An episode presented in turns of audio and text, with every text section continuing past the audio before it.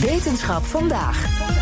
Uiteraard met Carlijn Meinders. Hoi Carlijn. Hoi. We gaan het hebben over elektroden die groeien in het lichaam van levende vissen. Ja. Dit moet je uitleggen. Ja, snap ik. Dit klinkt best wel bizar, toch? Ja. Uh, maar het is niet eens voor het eerst dat onderzoekers zoiets hebben geprobeerd. Dit nieuwe onderzoek is gedaan met zebravissen. Het is dus niet zo dat er vissen rondzwemmen die dat waar, hebben, waarin spontaan elektroden groeien. oh, oké. Okay. Uh, het gaat om een gel die wordt ingespoten en in het lichaam van die vissen komt hij in contact met de chemische stofjes die daar van nature voorkomen. In dit geval glucose en melkzuur. En die zetten vervolgens een kettingreactie in gang, waardoor die gel een vast, flexibel en geleidend polymeertje wordt. En dit is dus niet voor het eerst dat dit gedaan wordt. Nou, uh, niet precies hetzelfde is eerder al eens in 2020 geprobeerd. Toen hebben onderzoekers in wormpjes genetische aanpassingen gedaan, waardoor die wormpjes eiwitten produceerden, die er dan weer voor zorgden dat cellen geleidende polymeren gingen aanmaken. Ja. Maar je kunt je voorstellen dat je die uh, leuke genetische aanpassingen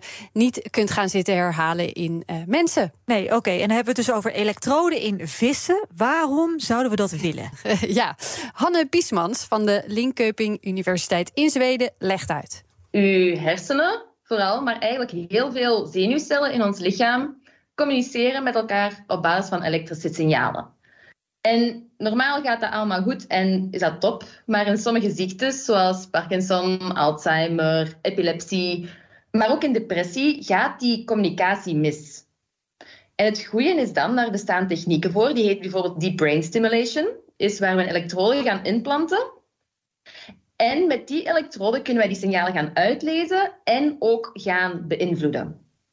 Dus dat is eigenlijk de reden waarom dat wij zo graag die elektrodes willen hebben, omdat daar prachtige resultaten zijn uitgekomen. Als echt mensen met Parkinson die aan het beven zijn, die ineens terug gewoon hun handen kunnen gebruiken. Maar toch, wacht even. Er bestaan toch al elektroden die je kunt implementeren? Ja, ja dat is waar. Uh, maar er is een goede reden om naar iets nieuws te zoeken. Die elektrodes die ze inplanten zijn van metaal. En om die in te planten heb je een uh, open schedeloperatie uh, nodig. En dat, zijn, dat is een heel gevaarlijke operatie. Plus die metalen elektrodes zijn hard. En onze hersenen, maar eigenlijk heel ons lichaam, is zacht. Dus dat gaat beginnen schuren, daar gaat een soort ontsteking op komen en je immuunsysteem gaat daar op den duur een, een laagje rondzetten, omdat hij dat ziet als een foreign object, als een vreemd object dat daar niet thuis hoort. En dan gaat op duur natuurlijk ook de werking van je elektroden ook niet meer zo goed zijn.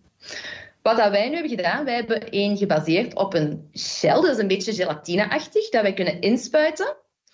En die gaat pas als een bepaald metaboliet noemen wij dat, dus een bepaald lichaams-eigen stof. Wij hebben nu voor glucose, wat gewoon suiker is gegaan bijvoorbeeld.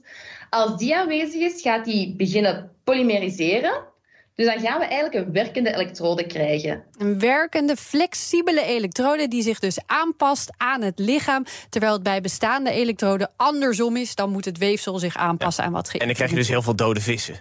Uh, Eigenlijk. Ja, het gaat vooral uiteindelijk om de mensen, maar dan ja. zou je ook dode vissen krijgen. Ja. Nou, en we hebben het in dit geval uh, ook alleen geprobeerd in zebravissen, toch? Niet alleen, ook in het zenuwweefsel van bloedzuigers en in het spierweefsel van kippen, varkens en koeien. En mocht je nu denken, dat is behoorlijk ja. zielig.